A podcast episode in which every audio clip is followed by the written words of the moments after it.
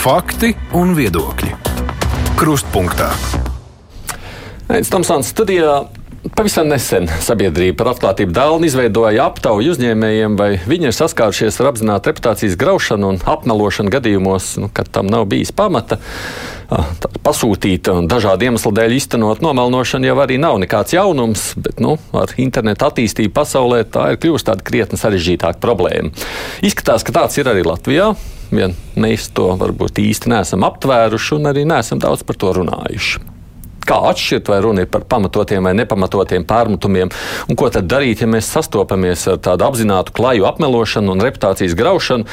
Šim tematam gribam veltīt nākamās minūtes, un šeit studijā ir no sabiedrības par atklātību dēlna direktora Ines Tauriņa. Sveicināti! Labdien! Un Tirzniecības rūpniecības kameru pārstāv valsts locekla Katrīna Zariņa. Labdien! Tāpat ar mums ir digitālās komunikācijas konsultanti Ieva Knāķe. Sveiki! Un zvērnāta advokāte no advokātu biroja Kobalta Līga Fjodorova. Labdien! Sveicināti! Uh, droši vien vispirms par to aptauju. Ko tad tā Dāvidas rīkot aptauja jums atklāja? Jā. Ehm, uzreiz jāsaka, ka šo aptauju aizpildīja 33 uzņēmumu pārstāvji, mm -hmm. līdz ar to tādas skaitliski un kvantitatīvi varbūt nevērtēsim, bet kopumā to tendenci mēs redzam, ka tie, kas aizpildīja, tie, tad, tie uzņēmumu pārstāvji, gan paš, pašvaldību, gan valsts iestā, eh, uzņēmumi, gan uh, privātie, uh, protams, atzīst, ka šī reputācijas graušana, viņi ir saskārušies lielākā daļa ar šādiem gadījumiem. Un, eh, tas arī, un viņi arī atklāja, protams, tādas konkrētas situācijas un konkrētas piemērus, eh, kad tas ir noticis. Un, protams, ka mūsdienās, kā jūs minējāt, sociālajā mēdīja, sociālajā tīkla un arī eh, mēdīja ir tie, kur, vis, kurus visbiežāk izmanto vai nu konkurenti, vai neapmierināti klienti, vai kāds cits šai darbībai. Un tās situācijas visbiežāk ir tādas, ka tiek nu, nepamatota, varbūt pat safabricēti materiāli par pakalpojumu vai preci, vai par darbiniekiem vai uzņēmumu sniegtajiem snieg, uzņēmumu darbību tiek izplatīti šajos sociālajos tīklos, un tad jau tas aiziet tālāk. Nu, un otra, protams, otrs tāds virziens, kad tiek iesaistīti mēdīji, žurnālisti, un tad ir, ir, ir uzņēmumi saskāršies ar gadījumiem, kad arī žurnālisti, teiksim, tā nekritiski pieiet informācijai un laiž tālāk, tā teikt, šo safabricēto vai apmelojošo eh, materiālu. Nu, tās ir tādos ļoti lielos vilcienos nu, iezīmētās un, tendences. Un te vienmēr, protams, tas galvenais jautājums, kas uzreiz rodas, nu, kā mums, kā tādiem lasītājiem vai klausītājiem, un protams, kā žurnālistiem, spēt atšķirt, kad ir tiešām pamats pārmetumiem, nu, kad mēs kaut ko lasām vai dzirdam vai nē. Jo, nu, Reizēm jau, nu, kā es zinu, tā ir apzināta melošana, vai tas tomēr ir nu, jā, uzņēmējs pats ir vainīgs pie radušās situācijas. Mēs pēc kā varam spriest, vai varam spriest par to?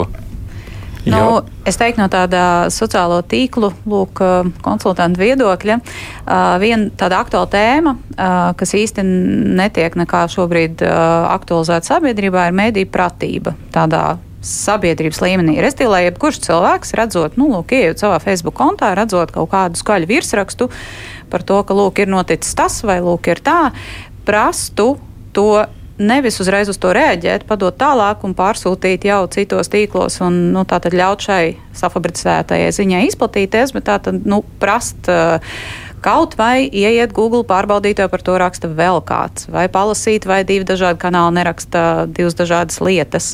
Un kaut kādā veidā mēģināt noskaidrot, vai šī ziņa ir vai nav patiesa. Un lūk, šis ir solis, kas sabiedrībā ļoti bieži izpaliek. Kāpēc ne. arī šīs nepatiesās ziņas izplatās? Nu, es negribēju, lai mums ir pārāk liels diskusiju lokus, tāpēc es arī apzināti šeit neaicināju nevienu no mediju pārstāvjiem. Mēs varētu mēģināt aizstāvēt medijas, sakot ar to, ka man gribas domāt jau, ka tādi kvalitatīvi mediji, nu, kuriem ir vienkārši gan resursi, gan gribēšana.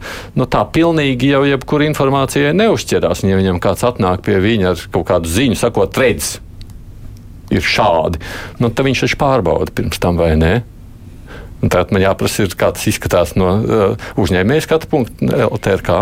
Nu, tās pieredzes, protams, mēs pirmais, laikam, jāsaka, mēs tādā savā kopienā par to daudz neesam diskutējuši. Jā, tā, Nu, nu, droši vien, ka laikam tāda vispārēja izpratne, vai tas ir tāds jautājums, ko diskutēt nozars pārstāvniecībā asociācijā, mm. iespējams trūkst. Iespējams, nu, ka, jo nav pieprasījuma.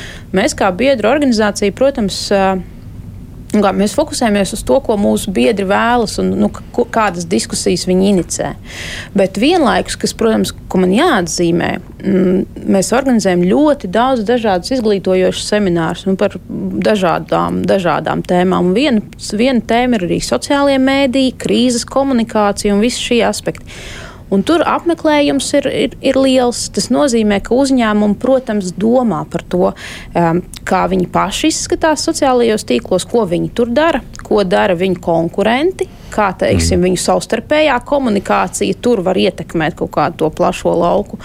Nu, kā arī to, ko darīt situācijā X, ja, piemēram, ja tāda nomalnošanas kampaņa sākas, ja tā, tā tās krīzes komunikācijas, nu, ne tikai šajos gadījumos, ja tur krīzes komunikācija plašāks jēdziens, bet Bet nu, šos seminārus tātad organizējam, tos apmeklējam bet tādā varbūt plašākā diskusijā, nu, ko tas nodara un tad rekomendācijas un kā to varbūt tur tā, nezinu, tā sistēmiski uz to skatīties. Nu, tādas tā mēs to mm, neesam ne, darījuši. Bet tā Dēlnas diskusija, kas pagājušā nedēļā tika rīkots, rāda, ka tā tomēr ir problēma, jo uzņēmēji dalījās ar savu pieredzi. Uzņēmēji, tieši tā mūsu diskusijā uzņēmēji dalījās un arī šo te anketu, tā teikt, palaižot pāris nedēļas pirms pa pasākumu, mēs arī ne, nebijām gaidījuši, ka tiešām plaši dalīsies ar tiem konkrētajiem piemēriem. Un, un tiešām šeit varbūt es gribētu atbildēt uz to iepriekšējo komentāru, ir vai nav pieprasījums un kāpēc tad nediskutē.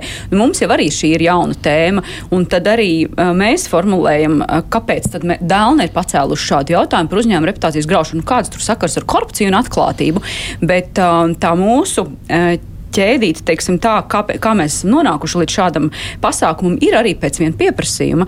Mums ir, um, mēs esam sākuši sadarbību ar privāto sektoru ar tādu iniciatīvu nulles toleranci pret korupciju tieši uzņēmumiem, uh, dažādiem valsts uh, pašvaldību arī, uh, lai tiešām runātu par tādu godprātīgu biznesa vidi.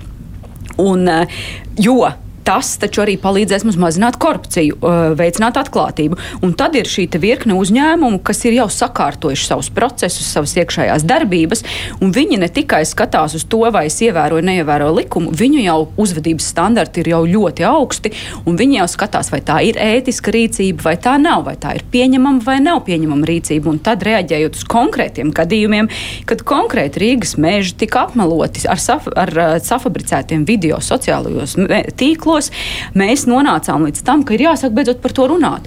Un izrādās, ir pieprasījums, izrādās, ir virkne uzņēmumu, kas gan šajā mūsu aptaujā, gan atnākot klātienē, dalījās ar to pieredzi. Bet tajā aptaujā, ko jūs veicāt, tur bija jautājums, ko uzņēmēji dara, un pieņemsim tā pie advokātiem, nemaz nu, pie juristiem, nemaz lielākā daļa nebija vērsta. Lielākā daļa nē, bet mēs pat mazliet bijām pārsteidzoši, ka tomēr, um, tomēr bija daļa, kas vērsās pie juristiem, advokātiem kā ārpakalpojumu, ne tikai iekšējos resursus meklēja. meklēja. Un tas ir tas, jā, tā ir tā, tas viens rī, rīcības jūs modelis. Kā Latvijas, pieņemsim, no viens no advokātu kantora, jūs saskaraties ar tādiem gadījumiem, kad nāk uzņēmēji meklēt palīdzību? Uh, godīgi sakot, šeit jāsāk ar to, kad, uh, kad ir jānošķir tādas divas, divas tiesības divām konfliktējošām pusēm. Uh, vienai pusē ir tātad tiesības izteikties, tātad vārda brīvība, un uh, nevienmēr šī vārda brīvība nozīmē teikt un tikai vienīgi patīkamus, glaimojošus uh, komentārus komentārus, bet arī, arī sniegt pieredzi un komentēt savus, eh, savu pieredzi, kas nu, jā, varbūt nav. Ja veikalā man jāapkrāpa, kāpēc tā, es nevaru to pateikt publiski, tā. vai ne? Uh, no otras puses, uh, tiesība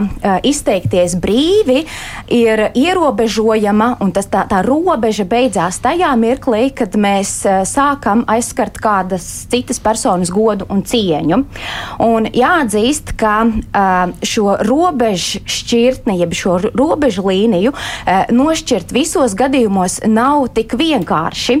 Un nevelti tieši attiecībā uz eh, personu godu un cieņas aizskārumu eh, tiesu praksi eh, Latvijā tā ir ārkārtīgi plaša. Es teiktu, ka šī joma ir, ir, ir izvērsta ļoti daudzās, daudzos augstākās tiesas spriedumos, un mēs arī no tās tiesas prakses redzam, ka viņi nav viennozīmīgi. Ļoti daudz ir gadījumi, ka tiesa liek pārvērtēt iepriekšējām instancēm izteiktus novērtējumus un, un uh, atziņas par to, vai tas ir godu un cieņu aizskarošs pasākums, un, uh, un atgriež šos, šīs lietas um, uh, atsevišķi novērtēt.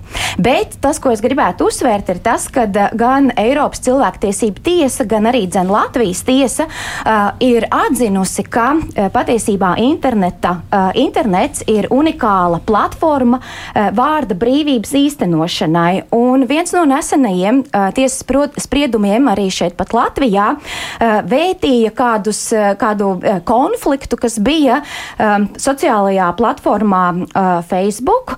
Un, Augstākā tiesa nonāca pie atziņas, ka tātad šajā, šis tīkls, tas sociālais tīkls, apkopo noteiktu interešu grupas cilvēku viedokļus. Un, ja šīs jomas interesanti apspriež pieredzi gan ar, par iegādāto preču kvalitāti, gan par apkalpošanas servisu pieejamību, tā patiesībā ir pieļaujama prakse un pat ļoti, kā lai saka, veicina zināma, jo patiesībā tikai diskusiju rezultātā arī tiek uh, iegūst labumu arī sabiedrība, noskaidrojot, nu, vai tas uh, uzņēmums, pie kura mēs vēršamies, ir, uh, ir atsaucīgs attiecībā uz uh, uh, sūdzību izskatīšanu vai, vai kaut kādu citu jautājumu risināšanu vai nē.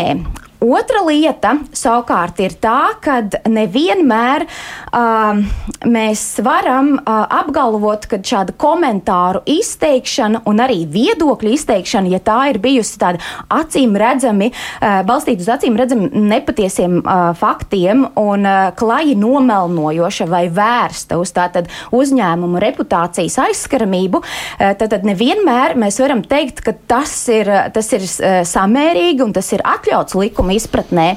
Un pirmšķietami varbūt tas komentētājs iedomājās, ka uh, esot savā istabā aiz, aiz, aiz datora, uh, aiz sava datora, nevienam neredzot uh, brīvi izpauž to savu, savu viedokli, uh, neaizdomājās, ka patiesībā tā autorība jau ir ļoti labi un skaidri nosakām gan ar uh, kriminālu procesuāliem, gan ar civilu procesuālā uh, kārtībā pieejamiem līdzekļiem. Viena lieta droši vien tad, kad mēs esam pie kādiem pakalpojumiem un droši droši vien precēm un par to kvalitāti, un tad mēs varam strīdīties, viņš man labi apkalpoja vai slikti apkalpoja, vai tā cena uh, par to preces kvalitāti ir atbilstoša vai nē. Un tad ir patērētāja tiesības un viss pārējais.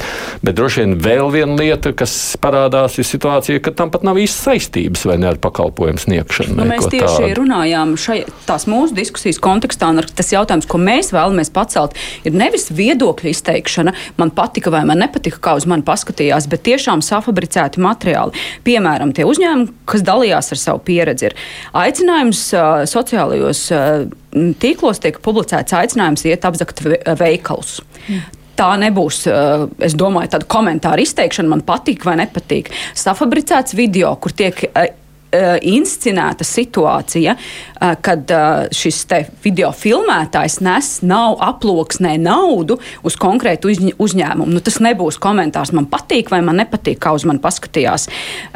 Kā šeit, vai arī, teiksim, speciāli nu, veiktas kampaņas, lai apmelotu konkurentu vai kādu pakalpojumu sniedzēju, nu, visbiežāk konkurentu par viņa pakalpojumu kvalitāti viņa klientiem vai sadarbības partneriem partneriem, lai uzņē, konkurējošais uzņēmums zaudētu šos līgumus un viņam būtu tiešām tādas uzreiz uh, ekonomiskas sekas. Nu, tas ir uh, tā, teiksim, tā, tā tēma, par kuru mēs gribam runāt, ir tiešām šādas rīcības, nevis uh, komentārs sociālajos mēdījos, vai man patīk vai nepatīk. Bet runājot par to nezinu, melno PR vai ko citu, nu, kas ir tie iemesli, jau, kāpēc nu, vispār kaut kas tāds parādās publiskajā telpā?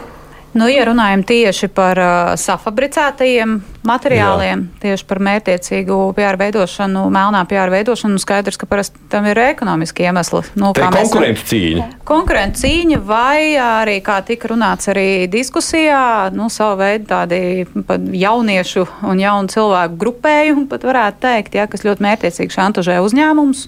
Šis nenonāks sociālos tīklos, jā, Nu, ja tu man saka, iedosi kaut ko tādu. Tieši tā, un skaidrs, ka tā jau ir tāda praksa, kas, kas ne tikai Latvijā, tas diemžēl notiek visā jā, pasaulē. Cik, kā tas izskatās, skatāmies no tāda pasaules viedokļa? Cik tā ir problēma vispār pasaulē? Vai ir un turklāt uh, gadiem, jo skaidrs, jā. ka nu, sociālai tīkli nav jauns, kā saka, jaunums, jā, pastāv jau krietnu laiku. Uh, un arī uh, toreiz diskusijā minēju šos pāris spilgtākie tādi ārvalstu piemēri, kas uh, katram ir mazliet cita ievirze. Bija nu, tādi visiem mums labi zinām zīmoli, kā piemēram Starbucks, kur arī šķietami nevainīgi, tas gan, gan jau krietnus gadus apakaļ, šķietami nevainīgi divi darbinieki nolēma uzfilmēt video, kur it kā vienam ir tēkrakls ar uzrakstu. Um, ar prezidenta vārdu, ja, tra, uzvārdu Trumps. Un otrs tā tad atsakās pasniegt kafiju un saka, ka neapkalpos. Un šis video izceļ, protams, vētru sociālos tīklos. Pieņem, kā bija iespējams, pat nebija nu, tāda ļoti ļauna nolūka, jā, bet viss šī rezultātā krītās akcijas, visu valstu pāršalts tātad šī tā, zīmola ziņa tā tālāk. Kas tā vairs neapkalpo Trumpa piekritējis, ja? Tieši tā, nu, restīvi, tas tajā brīdī līdzīgi kā, kā arī Rīgas meža gadījumā, ja, kur šķietam nevainīgs video, lūk, ar visu korupcijas tēmu tiek sasaistīts kopā šajā šajā gadījumā visu šo zīmolu ierāva vēl, kā saka, diskriminācijas eh, skandālā un tā tālāk. Un, eh, lūk, un šis ir mirklis, kurā, kurā nu, saprotat, ka sociālajiem tīkliem ir milzīgs spēks. Un iespējams tas pat bija domāts video, nezinu, draugiem, bet skaidrs, ka tas kaut kādā brīdī, mm. nu, tie ir sociālie tīkli. Tās ziņas var izrauties plašumā krietni ātri. Arī ar muļķībām. Arī ar muļķībām, jā. Protams, ka šādi viens no, viens no lieliskiem piemēriem tādā PR, PR industrijā ir Nestles piemērs, eh, kurus cits liels uzņēmums Greenpeace apvainoja tajā, ka Nestle izmanto apdraudētās teritorijās iegūt palmeļu, kas nebija taisnība, bet Nestle tā vietā, lai uzsāktu milzu tiesvedību pret Greenpeace, izvēlējās apvienoties ar Greenpeace, izveidoja milzu kampaņu, vispasaules kampaņu, apvienojās un, kā saka, nesa šo vārdu, vārdu pasaulē, Nestles vārdu, kā tie, kas aizstāv, lūk, pareizi iegūt palmeļu un tā tālāk. Restīvi ir arī iespējas ne tikai tiesvedības ceļā, bet arī kā, kā saka, gudri sadarbojoties ar, ar, ar, ar šiem pāri darītājiem, jā, izvērst to pat sev par labu. Nu, te man Lauris atgādina, Latvijā bija viens strīds ar uh, barības, suņu barības ražošanu uzņēmumu Dogo, kur tā neviens nesaprata. Tur ir nomalnošana vai tur ir patiesība, kas nozīmē, ka reizēm to robežu nemaz tā vairs nevar novilkt. Nu, tāds parastais lasītājs, jau viņš nu, bija Jā. tur vainīgs, tas ražotājs vai nebija. Jā, nu, tas, tas, tas reputācija, laikam, gribas teikt, ka tas re, uzņēmumi uz tiem uh, reputācijas riskiem, nu, tās reputācijas um, nezinu, apdraudēšanas riskiem, viņi ir ļoti jūtīgi. Ja. Jo tas, protams, ietekmē, tas ietekmē ļoti daudz ko. Ja. Tas ietekmē, nu, protams, viņus pašus iekšēji, tas ietekmē viņu attiecības ar viņu klientiem, tas ietekmē arī jau tālāk, plašāk, piemēram, viņu attiecības iespējams pat ar valsti un, un, un arī viņu starptautisko darbību.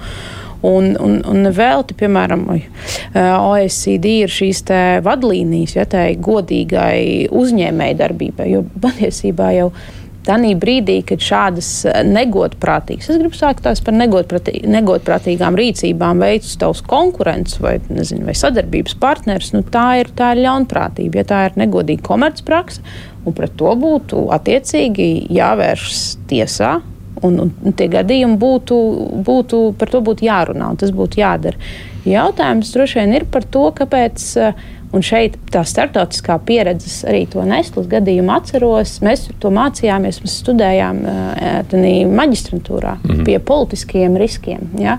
Un kā tu, kā tu tiešām arī, nu, kādas ir tās taktikas un stratēģijas, kuras tu izmanto, lai šo situāciju nu, vai nu eskalētu, vai varbūt pārvērstu kaut kādā pozitīvā stāstā sev.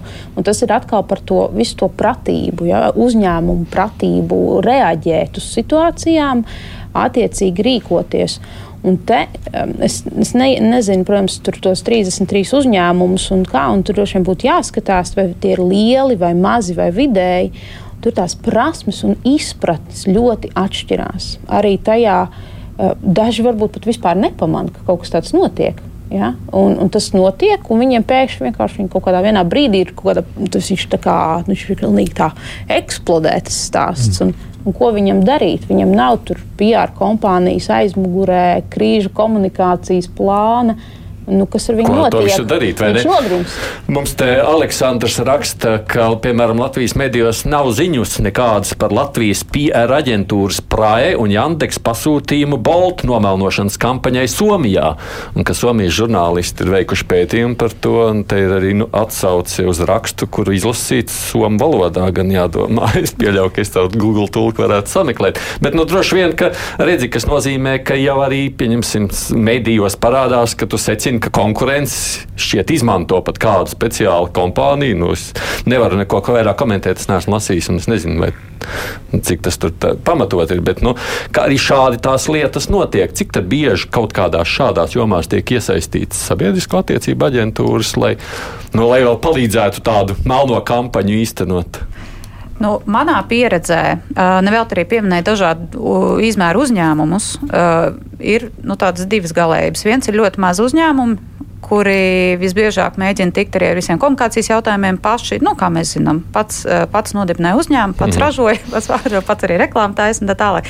Uh, šie uzņēmumi visbiežāk mēs arī neuzdzird, ne, ne, neizdzirdam par šīm krīzēm. Un, ja gadījumā šādas reputācijas krīzes ir bijušas, ļoti iespējams, viņi pat neizdzīvo pēc tam. Jo nu, skaidrs, ka iekšēju resursu vienkārši nav, lai šo atrisinātu. Tur vēl piesaistīt aģentūru. Vienkārši nobankrotēt šādā Tieši veidā. Tā. Jā. Un savukārt uh, lielos jau visbiežāk Uh, nu, lielos uzņēmumos visbiežāk jau ir šie iekšēji resursi, kur mēs arī dzirdējām diskusijā. Ļoti daudz uzņēmumu teica, ka viņi primāri vienmēr mēģina paši tikt iekšēji ar to galā. Nu, un tad, ja netiek labi, varbūt tiek piesaistīti jau, jau, jau lielākas aģentūras. Bet tas man toreiz diskusijā lika aizdomāties par to, vai nav, vai nav tomēr lielajiem uzņēmumiem šī vēlme paturēt šo visu jautājumu iekšā, mēģināt atrisināt pašiem, lai tas īstenībā publiski neaiziet. Mm, jā. Kas no vienas puses mums rada iespaidu, ka tādas lietas nenotiek Mums šķiet, ka viss ir lieliski. Mm. Patiesība diskusijā parādīja, ka nav. Šo keisu ir daudz lietu, atvainojos. Mm. Un, un, uh, viņu ir daudz, bet uzņēmumi izvairās viņām runāt. Un līdz ar to nu, trūkst publisku precedentu. Lietas kā notiek, tas viss notiek kaut kur tur apakšā. Jūs to īsti nerunājat. Nu, tā ir tēma, tā kā, kurai īsti negrib pieskarties. Nu, droši vien, ja tas ir pieņemsim nu, tādu jauniešu iniciatīvu vai varbūt arī kādu izpēdēju grupu tādu ar, ar mazu pieredzi, tur iespējams ir vieglāk tikt galā, ja tur tiek piesaistīti kādi profesionāļi, kas veic melno kampaņu, nu tad jau es pieļauju, ka to tik viegli apklusināt nevar. Jā, bet par, par arī jauniešu gadījumā citi jaunieši lūk, nedzer par tādām lietām, nedzer par precedentiem, par to, ka lūk, citi ir, ir, ir arī tiesiskā ceļā, varbūt ir kaut kādas sekas bijušas tā tālāk, varbūt tas mazinātu vēlmi citiem mm. mēģināt darīt tāpat. Un tāpēc mēs par to esam sākuši runāt, jo nu, tieši tā mēs nezinām par tiem gadījumiem publiski. Un lielā mērā iespējams mēs nezinām, tāpēc, ka nav jau rezultāti tajās tiesvedībās. Jo tas, ko mēs arī zinām, ka policijas prokuratūras kapacitāte spēja strādāt ar šādām lietām ir minimāla. Gan izpratnes ziņā, gan resursu, cilvēku resursu un laiku, stundu ziņā minimāla. Līdz ar to, protams, ka viņi strādās vairāk uz tādiem no nu, acīm redzamiem noziegumiem un to risināšanu, nevis uz tādiem reputācijas jautājumiem vai eh, neslavas celšanu vai vēl kaut ko, kur. Nu, Uh, tas, um, tā, tā, tiksim, tā ir jābūt speciāli apmācītam, lai uh, vispār saprastu un izprastu, par ko tas uzņēmums tagad nāk un sūdzās. Ne tādu video sociālos tīklos ielika, nu labi, bet. Uh, Jautājums, vai mūsu iestādes saprot to nu, kaitējumu? No, no šāda viedokļa jāatzīst, mēs gribējām, ka mūsu diskusijā piedalās valsts policijas pārstāvi. Valsts policija divas dienas mēģināja atrast, vai viņi spēja par to runāt. Viņi nespēja neviens par to runāt šeit studijā, kas nozīmē, ka viņi vispār nav varoši pat diskutēt par to, kur nu vēl. Te ir atbilde. Jā, bet no ekonomiskie noziegumi, finanšu noziegumi, to izmeklēšana nu, kopumā jau Latvijā ne tikai varbūt nu, šajā, arī korupcijas, jā, ar korupciju saistītie jautājumi, nu, viņiem mums ir problemātiski. Mēs to visi, visi saprotam, saprotam jau gadiem. Un, eh, un, un, un jautājums tas arī, nu, es domāju, ka kad tu esi tādā, jā, paldies, jā, kad tu esi tādā situācijā, tam uzņēmumam, nu viens, jā, viņam ir jāatzīst, ka viņš ir bijis visdrīzāk vājš, viņš ir nu, ticis pakļauts kaut kādam tam uz, uzbrukumam, tad viņam ir jāspēj novērtēt, nu, cik viņš ir, nu, cik viņš ir zaudējis, piemēram, nu, kādi ir zaudējumi, kurš šeit ir nu, kurš šeit ir cietušais, ja? un, un, un kā. Un tad, tur, nu, un tad tev sāks viss tas publiskais, un vai beigās nav tā, ka tad, kad tu esi to iz, izgājis publiski ar šo stāstu, ka tu vēl vairāk zaudē. Ja? Un, tā ir nepareiza, tā nepareiza loģika veidojas. Ne? Nu, kad tu izēji publiski un stāsti, ka tu esi bijis zem uzbrukuma, ka tu patiesībā vēlreiz nonāc zem uzbrukuma. Nu, mēs nu, vēlreiz ja mēs sakām, nu, nav jau dūmu bez uguns. Nu, aptuveni tā kā tā ir Dogo lietā, vai, vai vēl nezinu. Nu, to Dogo lietu man te kolēģi atgādina, ka bija jā. tiesvedība, tur vetāstu uzvarēja, tā tad, tur, tā tad nu, šajā reizē ir tiesas lēmums, tur varbūt ir skaidrība lielāka, redzes atgādinot to, ka tā nav taisnība, bet nav jau vienmēr, starp citu, runājot par vēršanos tiesā.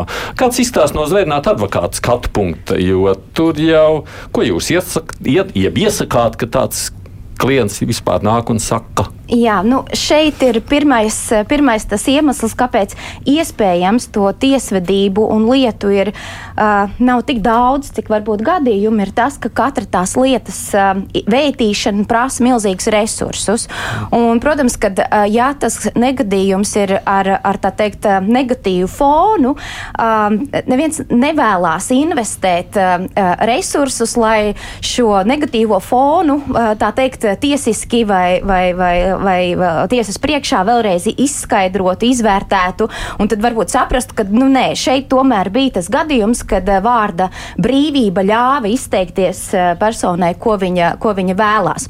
Protams, ka tie gadījumi, kur ir, um, kas ir, un tas ir, ir vairāki instrumenti, protams, ir godu un cieņas aizskārums, ir preču zīmes pārkāpums, ko es sadzirdēju Starbucks lietā, mm. jo, ja tur kāds bez atļaujas ir uh, vilcis kreklu un vēl kaut kādā veidā šo, šo preču zīmi modificējis, tad ļoti iespējams, ka tur ir arī preču zīmes pārkāpums un uh, preču, zīmei, uh, preču zīmes reputācijai nodarītais kaitējums, kas atkal ir alternatīvs pamats, kā strīdēties. Uh, bet nu, visas tās lietas, protams, prasa milzīgus, milzīgus resursus un uh, nav tāda simtprocentīga pārliecība par to, ka um, tiesvedības procesa rezultātā pēc vairākiem gadiem uh, būs pietiekams gandarījums. Uh, šeit mēs arī skatāmies uz tām, uh, tām uh, reputāciju aizskārumu rezultātā piedzītajām kompensācijām, atlīdzības apmēriem, nu, tās nav nekas tāds uh, uh, motivējošs, lai, lai strīdētos. Tad daudz vienkāršāk ir citi rīki, kā kolēģis teica, ir, uh, ir jāmēģina mēģināt negatīvo pārvērst par pozitīvo vai panākt sabiedrības informētību un, un pašam šim apvainotājam sajusties likt, sajusties nērti uh, un, un kaut kādā veidā ar savādākiem instrumentiem uh, risināt šo, šo situāciju un ne, nevienmēr tiesvedība ir, ir, ir pats tas, kā lai saka, labākā, labākā izvēle.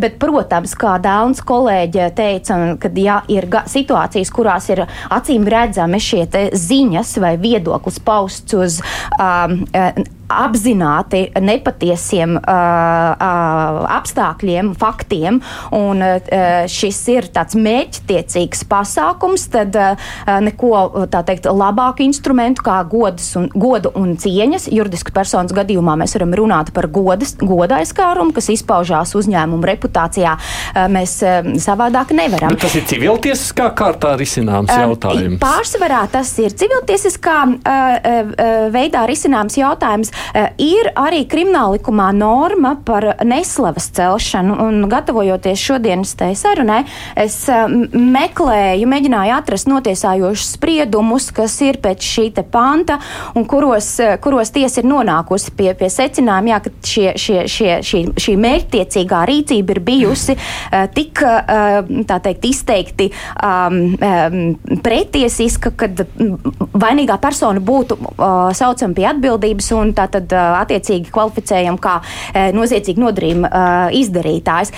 Jāatzīmē, ka šādi tiesas spriedumi arī krimināli, krimināli ietvaros ir iespējami, un, un atsevišķi tādi arī bija. Dažus atradāt. Dažus atradu. Tā, tā kā absolūti teikt, ka, ka kolēģi no krimināla procesa virzības un, un, un izmeklētāji ar to nenodarbotos īsti, īsti nevarētu apgalvot. Bet, Uh, nu, tas ir koks ar diviem galiem. Protams, mēs kā sabiedrība gaidām, lai izmeklē šo sabiedrībai nodarīto kaitējumu, un policijas rīcībā ir daudz lielāki instrumenti, gan izprasīt informāciju, gan redzēt to, to nodarījumu tvērumu, publicitāti, audi, auditoriju, ko savukārt civilprocesuālajā kārtībā tā nasta ir uz pieteicēju prasītāja uh, pleciem, un vienmēr ir, ir, ir viegli uh, savilkt šos pierādījumus, lai nodemonstrētu, uzskatu, ka eh, šai juridiskai personai ir eh, nodarīts kaitējums reputācijai, un proti tātad eh, šis kaitējums ir tāds, kas ietekmē šīs juridiskās personas darbību. Nu, ne katrs mm -hmm. patiesa vai nepatiesa, pat tad, ja tas ir nepatiesa apgalvojums, nodara šo reputācijas aizskārumu, un tā latiņa ir, ir pietiekami augsta. Un šis varētu būt tas iemesls, kāpēc policija visbiežāk, kad vēršas uh, pie viņiem, atsaka rosināt lietu. Ļoti iespējams, ļoti iespējams tās, es, protams, prasījums policijas kā, kā, es, jā, kā es minēju, tās lietas ir ārkārtīgi sarežģītas. Un arī, arī civil procesa uh, ietvaros, kas, kuros ir veitītas gan žurnālistu izteikumi, me, masu mēdīju izteikumi, gan, uh, gan uh, dažādi cita veida uh, uzsaukumi, uh, šīs lietas nav viennozīmīgas. Un tā robežu līnija, kurā šķērso šo te, um, kurā vārda brīvība šķērso uh, godu un uh, cieņas. Uh, aizsardzību, nu, ir, ir, ir, ir ārkārtīgi sarežģīta. Tā mhm. prasa izvērtēt faktisko bāzi, to, uz kādiem pamatiem tad šāds secinājums izdarīts. Ja ir bijis kāds pamats, tad vai tie resursi ir bijuši autoritīvi un pamatus, kuriem uh, uzticēties, nu, tad, tad tas tiek izmeklēts tādā ļoti uh, nu, faktu detalizētā um, analīzē. Bet nav pārāk sarežģīti pie mums šis. Jūsuprāt, tā tīri subjektīvs. Jā, redziet, mēs liekam pretstatam divas uh, konstitucionālas tiesības. Viena ir vārda brīvība, katram izteikties un arī teikt to, ko domā, arī, arī tad, ja tas ir neglaimojoši. Uh, un otra brīvība ir tā, tā kas, kas jau robežojos ar šo uzņēmumu reputācijas aiz, aiz, no, aizskārumu. Tā jau var komentēt par šo. Nu, proti, no tāda viedokļa nu, mums redz, lai kaut ko tādā nu, valstiskā līmenī mēģinātu tādā ziņā iesaistīt valsts policiju vai prokuratūru ļoti grūti. Nu, man ļoti palika atmiņā, uh, pēc tam vairāk uzņēmumu komentēja diskusijā visu šo situāciju, nu, tās savas situācijas ar šīm reputācijas graušanām ar frāzi, ka mēs jūtamies vieni. Man ļoti iesēdās atmiņā šī frāze. Nu, Restīvi, viņi ir vēršies policijā, mēģinājuši piesaistīt lūk, jā, jurists un tā tālāk. Un visā šajā procesā, gala rezultātā, viņi jūtās vieni. Mm. Man liekas, tas diezgan labi ilustrē visu šo te situāciju. Ja. Situācija un aina. Jā. Es atgādinu tikai klausītājiem, mazliet tiem, varbūt, kas vēlāk pieslēgušies, atgādinot, ka studijā mums šeit ir Ieva Knāķa, kas ir digitālās komunikācijas konsultante no Kobalts zvērnāta advokāte Līga Fjodorova, no Tirniecības rūpniecības kameras Katrīna Zariņa un arī Dānas direktora Ines Tauriņa. Raidījums Krustpunktā. Es ar interesi skatos, ko ļaudis raksta man šeit. Un es, man liekas, saredzu tādas divas diezgan galējas tendences. No vienas puses, ļoti interesants temats, jā, ļoti Latvijā izplatīts, un te dažādi veidi. No otras puses, kāpēc jūs par to runājat? Nu, tā ir uzņēmēja problēma. Nu, nu, tur ir konkurenti savā starpā. Nu, Kāda, kāda jēga tam nu, cepties apmēram par to? Kāpēc vispār dēlni tam pievēršas? Nu, kāpēc jums tas šķiet svarīgi? Jo man liekas, ka es vienā daļā klausītāju saredzu neizpratni arī pat varbūt to domu sakot, nu, taču tie uzņēmēji nav nevieni Baltija un Pūkaini. Ļoti labs jautājums. Pilnīgi piekrītu. Brīžiem var likties, un arī, eh, un arī mēs to esam sapratuši, ka tajā sabiedriskajā telpā un tādā vidē mēs par šiem jautājumiem nerunājam. Bet tad, kad uh, mēs tiešām sākam prasīt uzņēmumiem, tad izrādās tā ir problēma. Un tas, ko mēs tikko ieskicējām, ka šī te, mēs dzīvojam tiesiskā valstī, kur tiešām nu, ja mums ir likumā rakstīts, ka uzņēmums var tikt aizsargāts, vēršoties tiesā, gūt tā teikt gandarījumu, kompensāciju vai vispārējo, kas nu saistīts saistīts ar lietām, bet bet tas mehānisms nedarbojās. Nu, tad kāpēc, mums, kāpēc mēs mānam sevi, ka mums viss ir kārtībā ar tiesiskumu Latvijā, ja mēs reāli, tad, kad gribam, lai aizsargā mūsu kā uzņēmumu tiesības, kad tiešām šis kaitējums ir nepamatots, tas nu, šis mehānisms absolūti nedarbojās. Valsts policija arī nevar šodien atnākt un atbildēt uz jautājumiem, kā viņi ar šo jautājumu strādā. Nu, lūk, tāpēc šī diskusija ir jāsāk veicināt un arvien vairāk runāt, lai tiešām es vēl piekrītu, pārliecinātos, nu, tad ir tā problēma vai nav. Varbūt, ka dažiem uzņēmumiem tikai liekas, ka tā ir problēma. Varbūt, ka tie ir daži procenti uzņēmumi, varbūt, ka liela daļa pārējo teiks, ah, nē, tiešām tā, ir, tā, tā nav tāda problēma, par ko mums visai sabiedrībai uztraukties. Mm -hmm. Redziet, manuprāt, tomēr tā, tā, tā varbūt liekas tāda Pirmkārt, par to balti un pūkaini. Neviens nav balts un pūkains. Rekords te tur tajā pūpoli ir balti un pūkaini, bet eh, ne privātpersonas, ne juridisks personas, pat ne valstis nav balts un pūkains. Ja? Mums jāsaprot, ka mēs dzīvojam diezgan tādā kompleksā vidē tas tāds tīri mhm. tāds mm. par to balto un pūkaino, un, un vispār mm. par to runāt, tas arī tāds reputācijas stāsts. Ja? Mm. Un, un, un varbūt arī um, un uzņēmumiem. Jā, nu, tā sajūta reizēm tiešām ir tāda, ka mums visu laiku no nu, uzņēmumiem jāpierāda, ka viņi ir balti un pūkaini. Nu, ka visu laiku, lai ko viņi dara, viņi vienmēr saņem kaut kādu, nezinu, nu, tur vieni vairāk, citi mazāk, bet kaut kādu tādu nu, tādu negatīvu, tādu, nezinu, no, nu, negatīvu sajūtu no, no sabiedrības, no, no valsts. Tad tie maksā nodokļus, tie nemaksā, tie maksā par maz. Tie tur, nezinu, uzsākuši tur, tur to upi piesārņot, citi tur vēl kaut ko gaisā. Lai, nu, tad, nu, tu visu laiku tad tev jāpārliecina, ka tu dod darba vietu, tad tu sāc runu par to, ka nemaksā jau pietiekami lielas algas, nu, tā visu, visu laiku. Un tad mēs esam, nu, un tad mēs esam tajā situācijā, nu, un, un tad vēl tu esi visā tajā lielajā bildē, jā, visā tajā sistēmas bildē, un tad tev ir, tad tu esi kā lokāli viens, un tev vēl ir konkurence, kurš pat tevi iesit, un tu sanāc, tu esi tajā lielajā sistēmā, tajā valstī, un tad tev pietrūks tās tiesiskuma sajūtas, tā, tas tās sajūtas, ka tu, jā, ka tu to gandarījumu gūsi vai ka, ka kaut kas atrisināsies. Un tas atkal rada tālāk. Viņam jau ir, nu, viss jau ir ciklisks. Jā. Ja tu saņem to negatīvo, tev veidojas tā negatīvā, nu, tas tu tā, tā kā turpina ar tās, tās negatīvās nots. Un, protams, var teikt, ne, nu, labi, nu tagad viens uh, uztaisīja kampaņu, nu pavērsiet to pozitīvā stāstā, bet nevienmēr to var izdarīt. Ja? Nevienmēr to var izdarīt pozitīvā stāstā. Un, un reizēm, uh, reizēm ir uh, droši vien jācīnās par sevi. Arī uzņēmumiem ir jācīnās par savām, savām tiesībām un par to tiesiskumu un likuma varu. À, nu, à, mēs redzam, kas notiek, kad no tā iet prom dažādos, dažādos veidos un dažādās formās. Mēs redzam, paskatīsimies tādā lielajā stāstā, nu, kas notiek, valstis iet prom no tiesiskuma un likuma varas. Kas notiek, ja mēs um, te tūkstošu kilometru attālumā no mums? Jā. jā, uz austrumiem.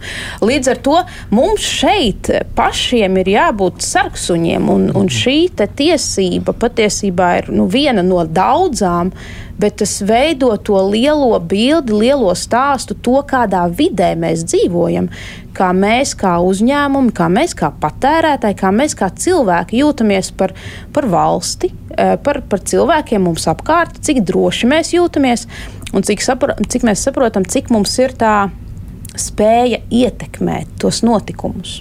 Jo viņš jau viss kaskadējas. Ja, viņam visam ir kaskāde, viņš iet uz leju. Un, un tad tas nonāk pie tā mazā cilvēciņa, un viņam ir tāds, nu, kur mēs esam. Un tāpēc tas tiesiskums nu, ir ļoti nozīmīgs. Viņš ir katrā solī, un par viņu nedrīkst aizmirst. Tajā pašā laikā, vai mēs varam, nu, otra daļa no klausītājiem saka, nu, vai, labi, jūs runājat tikai par juridiskām personām, bet fiziskās arī var nonākt ļoti līdzīgā situācijā cik mēs varam nošķirt šeit, vai nu, privāti mēs droši vien to izjūtam vairāk. Lai gan varbūt kā nu kurš es, piemēram, īpaši neņemu galvā, bet nu, iespējams, ka tas ir sāpīgāk. Var nošķirt vai nevar? Vienalga, es nezinu, kurš no jums var komentēt. Juridiski var. Juridiski katrai personai ir savas uh, tiesības. Uh, fiziskai personai bez goda, bez tātad reputācijas jautājuma ir arī cieņa, pašnovērtējums. Tas pat faktiski ir tāds uh, plašāks jēdziens, ku, uh, tvērums, kuru var nu, tā, ievainot. Juridiskai personai ir tikai šis goda jautājums, kā juridiska persona izskatās sabiedrībā, kā viņa izskatās uz ārā. Bet juridisko personu arī veido cilvēki. Jā, bet tas ir nošķirams. Jā, nošķirams. Ir nošķirams. Jā, tās ir Var nošķirams. vienmēr nošķirt, vai ne? Nu, tajos mūsu gadījumos, tad, kad mēs prasījām uzņēmumiem par viņu pieredzēm, tad um, beigās, skatoties sīkāk, mēs redzam, ka tās situācijas, kad kāds cits vai konkurents vai kāds neapmierināts cilvēks sāk šos safabricētos materiālus uh, veidot un šo komunikāciju ar uzņēmumu sākt, viņš arī nonāk līdz konkrētajām personām un sāk privāti vajāt uh, uzņēmuma darbiniekus vai vadību. Un tad, uh, nu, tad arī cieši, tā, cieši tas cilvēks, tā persona. Un ko, tādā situ ko tādā situācijā jau var darīt? Ja tad, ir... tad jāvērtē, vai mums nav prātīgi prasība gan uh, juridiskas personas vārdā, gan arī šo fizisku personu vārdā. Jā, arī fiziskai personai ir bijis tātad ievainot šis te pašnovērtējums, viņa, viņas uh, cieņa, tad, protams, ka uh, tur var būt divi cietušie. Bet te mēs atkal nonākam nu, pie tās, tās pie, pieejamības, vai ne? Nu, pie tā, cik tās kapacitātes, kas ir nu, tiesību sargājošajām institūcijām, plašākā izpratnē, droši vien, ja nu, policija, prokuratūra un tālāk jau tiesa kā tiesa. Uh, Un arī par to, ka nu, tu kā, reizēm kā. Nu, es domāju par sevi šeit, kā par privātu personu. Varbūt eh, man nav tā, ka man būtu gadījies šāda situācija, nu, ka man liktos, ka man jāiet tiesāties.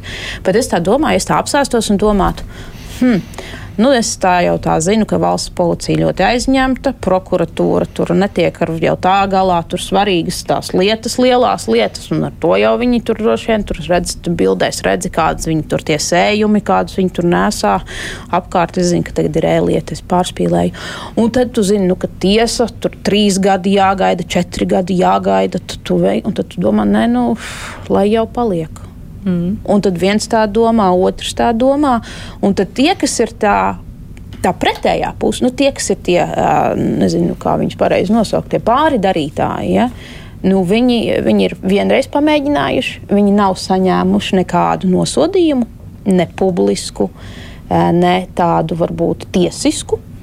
Viņi saprot, ka mēs varam tā turpināt. Nu, tas ir tā kā tā ir kļūst par akceptējamu rīcību.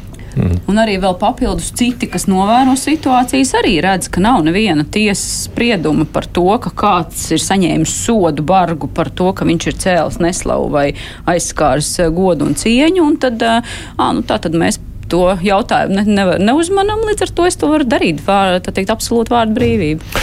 Man te dzēras kundze raksta no sabiedrisko attiecību uzņēmuma reputē. Droši vien nezinu, vai pareizi izlasīju. Uh, jautājot, kāpēc neviens no sabiedrisko attiecību nozars pārstāvjiem arī nav šajā diskusijā, jo mēs esam praktiķi, kam ir ikdienas praktiska pieredze pārstāvot uzņēmēju intereses.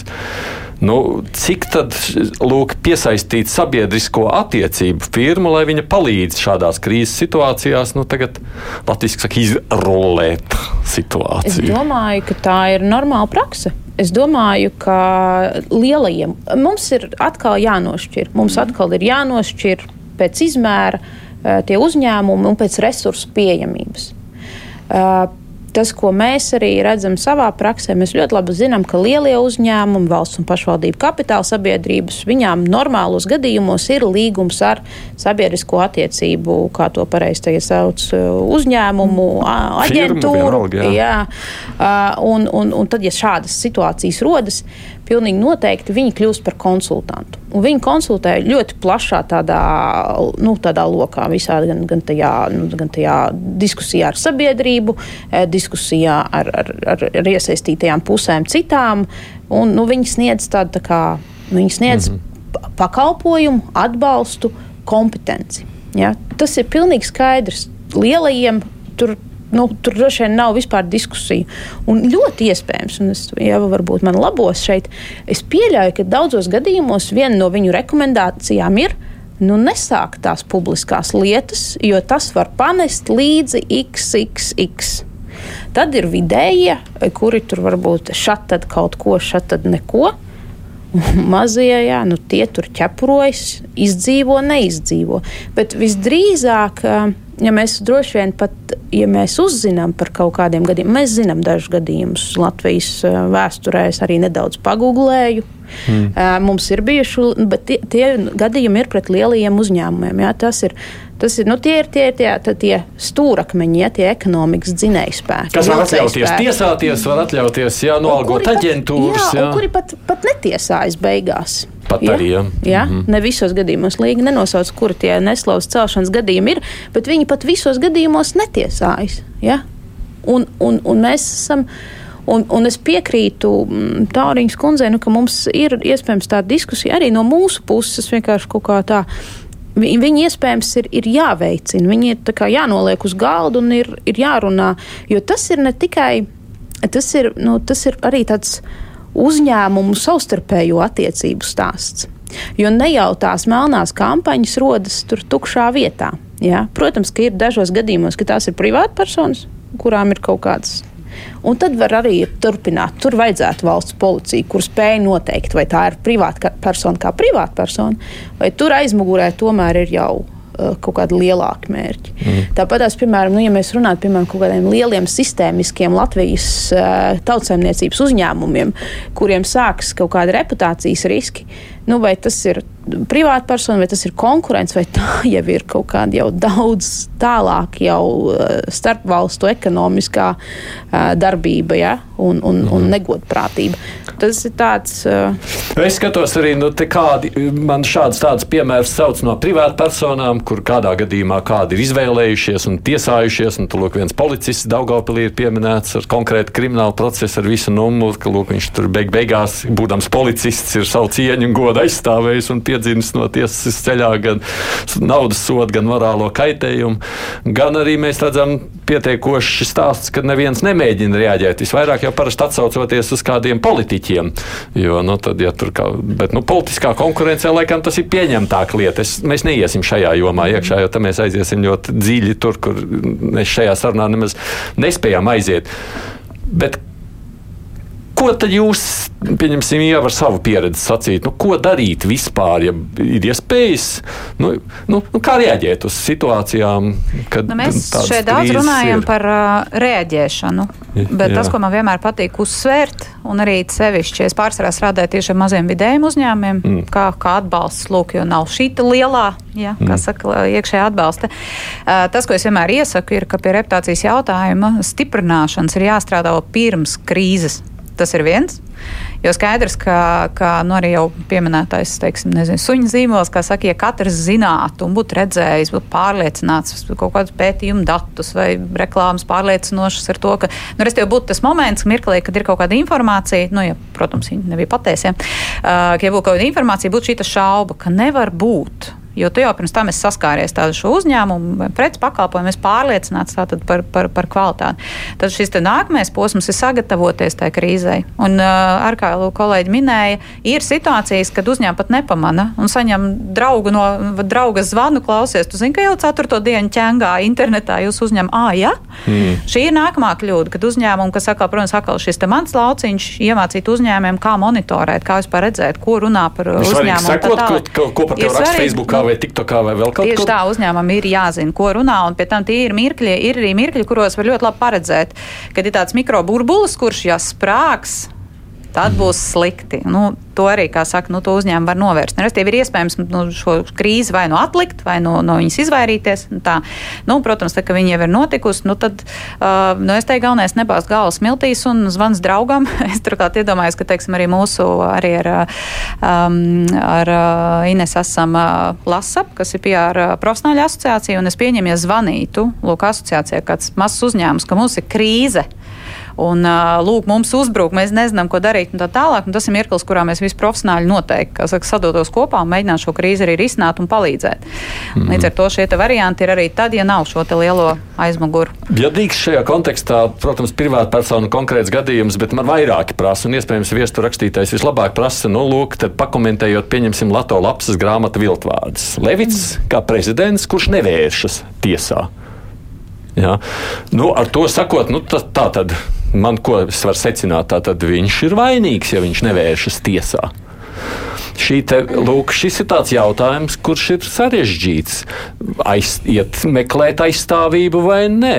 Varbūt ir bijušas konsultācijas ar PR aģentūrām un nolemts, ka uh, mēs stāvam pāri tādām, tādām, uh, tādiem apgalvojumiem, apgalvojumiem, kas tur pausti. Tos Jā. vienkārši ne, neakumulējam.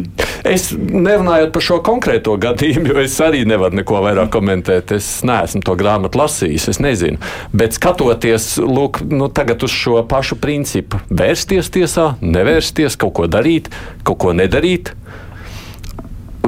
lai tos svaru kausus izsver, kā pareizāk rīkoties? Es teiktu, ja cilvēks tajā brīdī ir svēta pārliecība, ka mm, pats neko nav izdarījis un ka tās ir muļķības.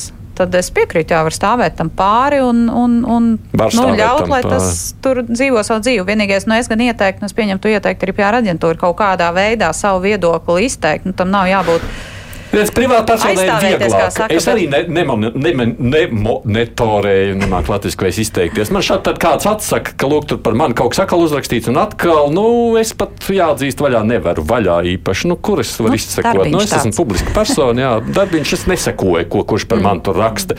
Bet, laikam, uzņēmēji tā nevar atļauties tik viegli nemonitorēt. Tā ir. Uzņēmējiem ir jāzina. Protams, ka viņiem ir jāzina. Viņi arī to dara, jo tas jau ir, nu kā tā ir daļa no tā, ko viņi dara. Ja, tas ir daļa no viņa, no, no, no, viņa mārketinga, no viņa publiskā tēla, no viņa zīmola. Ja, nu, tas ir viss, tas viņiem ir.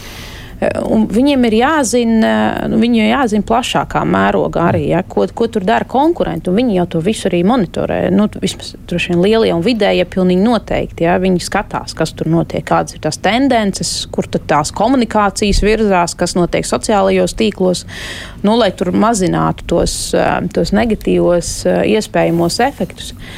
Bet, nu, ja jautājums ir par to, vai vajag tiesāties vai vajag, nevajag tiesāties, tad, protams, ka Nu, katram ir jāizvērtē. Jā, jā, katra situācija, katram ir jāizvērtē. Jā, nav viena atbilde, jā, vai ne? Jā. Bet ko jūs kā dēlni grasāties ar šo visu informāciju tagad vākt to darīt? Mēs jau esam sagatavojuši virkni uh, sarakstiņu, ko tad darīt ar to visu. Bet uh, skaidrs, ka uh, no tās mūsu darbības, ko mēs vispār ikdienā darām, tas, ko mēs redzam, ir meklēt veidus, kā uh, runāt ar policiju, prokuratūru un tiešām skaidrot šos jautājumus uh, viņiem un veicināt tādu policistu prokuroru izpratni par to, ka, ja viņi saņem šādu iesniegumu, tad ir pamats tomēr mazliet vairāk varbūt iedziļināties. Nu, tā ļoti vienkārši mm -hmm. skaidrojot šo veidu. Un tad um, Es tagad nebūšu juridiski de detalizēti korekti, bet šajā sarunās arī ar uzņēmumiem un citiem juristiem mēs nonācām līdz tādam secinājumam, ka ir acīm redzot jāizskaidro daži termini un jēdzieni no tādas juridiskās valodas, lai gan uzņēmumiem, gan arī tiešām arī prokuroriem un policistiem būtu mazliet skaidrs, kā kāda konkrēta likuma norma būtu interpretējama. Bet, nu, nu, piemēram, tur strīdi par to, vai kaut kāda konkrēta norma attiecās uz juridisku personu vai nē, nu, tur dažādi viedokļi. Bet, es tiešām šajā negribu ieiet. Un trešais, protams, žurnālisti, mēs par šo tēmu šodien nerunājām, bet žurnālisti un mēdī tāda izpratne par to, ko tad, kā rīkoties, kā reaģēt un kā varbūt identificēt, ka tiešām tas varētu būt tāds nomelnošanas apzināts pasākums. Nu, tās ir tādas lielākās lietas, bet es domāju, ka mēs turpināsim šo diskusiju, šo sarunu un šo darbu pie šīs, šī jautājuma viennozīmīgi un iespējams ilgtermiņā mēs arī nonākam līdz kādiem konkrētiem likuma grozījumiem vai uh, vēl kādiem citiem. Uh, citiem rezultātiem, rekomendācijām, mm -hmm. ko darīt, lai šo tiesisko vidi savukārt uzlabotu, kā mēs jau arī pieskārāmies. Nu, droši vien tā skatoties no klausītāja vai lasītāju skatu punkta, skatītāji droši vien arī jāpiemina šajā reizē. Tāpēc tas, ko jau sākumā sacīja, Nu, mums jau laikam ir jāpierod uh, arī mūsdienu sociālajā pasaulē, ka mums nu, ka tādas melnās PR kampaņas notiek, uh, kad ir uh, nu, kādi, kas speciāli apzināti rūpējas vai dara strādā, lai kādiem kādu reputāciju grautu. Un iemesli vai ieganst, kāpēc tas tiek darīts, varētu būt dažādi. Tātad nu, paturiet to prātā. Varbūt vienkārši domājot arī šajā mediju pratību skatu punktā. Jau Knāķa, digitālās komunikācijas konsultante, zvērnāta advokāta no advokāta biroja Kobalta Līga Fjodorova, Tirzniecības rūpniecības kameras valdes locekla Katrīna Zariņa un sabiedrības par atklātību dāvana direktora Ines Tauriņa. Paldies jums, ka atnācāt šeit runājot par šo tēmatu. Bet kruspunktā šodien izskan producenti Evi Junāna, studijā biju es Aidis Tomsons.